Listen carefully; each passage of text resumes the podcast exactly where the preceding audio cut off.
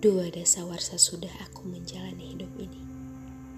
Aku tak tahu parameter asam manis kehidupan yang sudah aku lalui sudah sejauh mana, sudah sebanyak apa.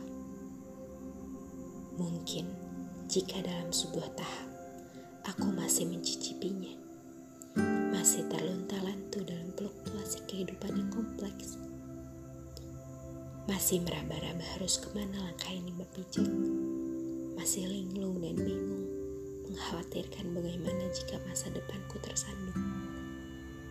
Tapi satu yang kusadari, tak terasa, ternyata begitu cepat berlalu ya. Apa?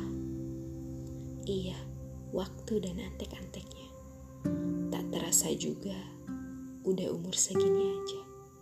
Tapi masih ngerasa gini-gini aja. Terlalu banyak, entar ngerjain yang mana dulu? Terlalu banyak bertanya-tanya, sampai bingung. Sekarang banyak pertanyaan yang menumpuk belum terjawab dan berseliweran dalam pikiran yang terus terpatri gak pergi-pergi. Memang sih, pepatah bilang tak ada kata terlambat untuk memulai. Atau juga lebih baik terlambat daripada tidak sama sekali. Cuma ya sadar aja, ada sesuatu di keduanya yang tak disebutkan. Apa? Ya betul, penyesalan. Penyesalan terhadap Kenapa sih? Dulu kok gak gini? Dulu kok gak gitu? Udah dapet apa aja selama ini?